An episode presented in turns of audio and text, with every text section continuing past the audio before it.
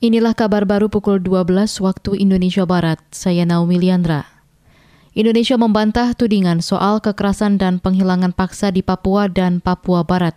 Bantahan itu sudah disampaikan kepada Dewan HAM PBB melalui salah satu alat kelengkapannya Special Procedure Mandate Holders atau SPMH. Wakil tetap RI untuk PBB di Jenewa, Febrian Rudiard mengenai penghilangan paksa, penggunaan kekerasan berlebihan, penyiksaan dan pemindahan paksa di Provinsi Papua Barat ini merupakan uh, Joint Communication SPH yang kita terima uh, pada tanggal 20 Februari 2022. Kemlu uh, CQPTR di Jenewa telah mengirimkan surat terhadap komunikasi tersebut.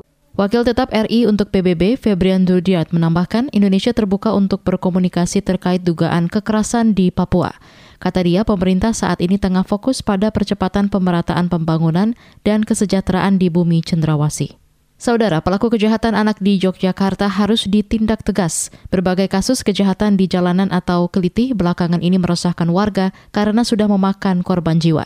Sekda Provinsi DIY Kadarmanta Baskara Aji mengatakan telah mendapat instruksi dari gubernur terkait penanganan kasus kejahatan anak. Pak Gubernur Dawuh untuk menangani dengan serius kepada kita termasuk bagaimana penegakan hukumnya kemudian pembinaan pasca anak itu dikenai hukum. Sekda Yogyakarta Kadarmanta Baskara Aji menambahkan, Pemprov mempertimbangkan untuk membuat peraturan daerah tentang kejahatan anak. Pemprov juga tengah menggodok program pembinaan dan pendampingan terhadap pelaku keliti. Program ini menekankan pada pengembangan bakat dan minat anak. Kita ke berita olahraga. Dua ganda campuran Indonesia melaju ke perempat final kejuaraan bulu tangkis Korea Open 2022.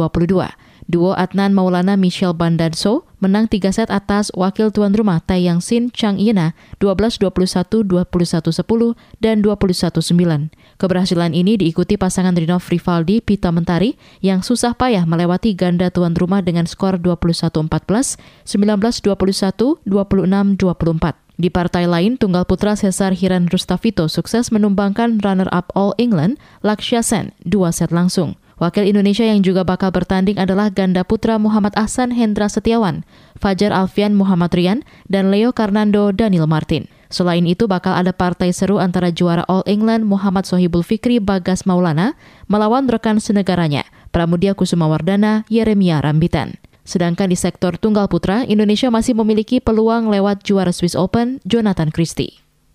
Saudara, demikian kabar baru KBR. Saya Naomi Liandra, undur diri.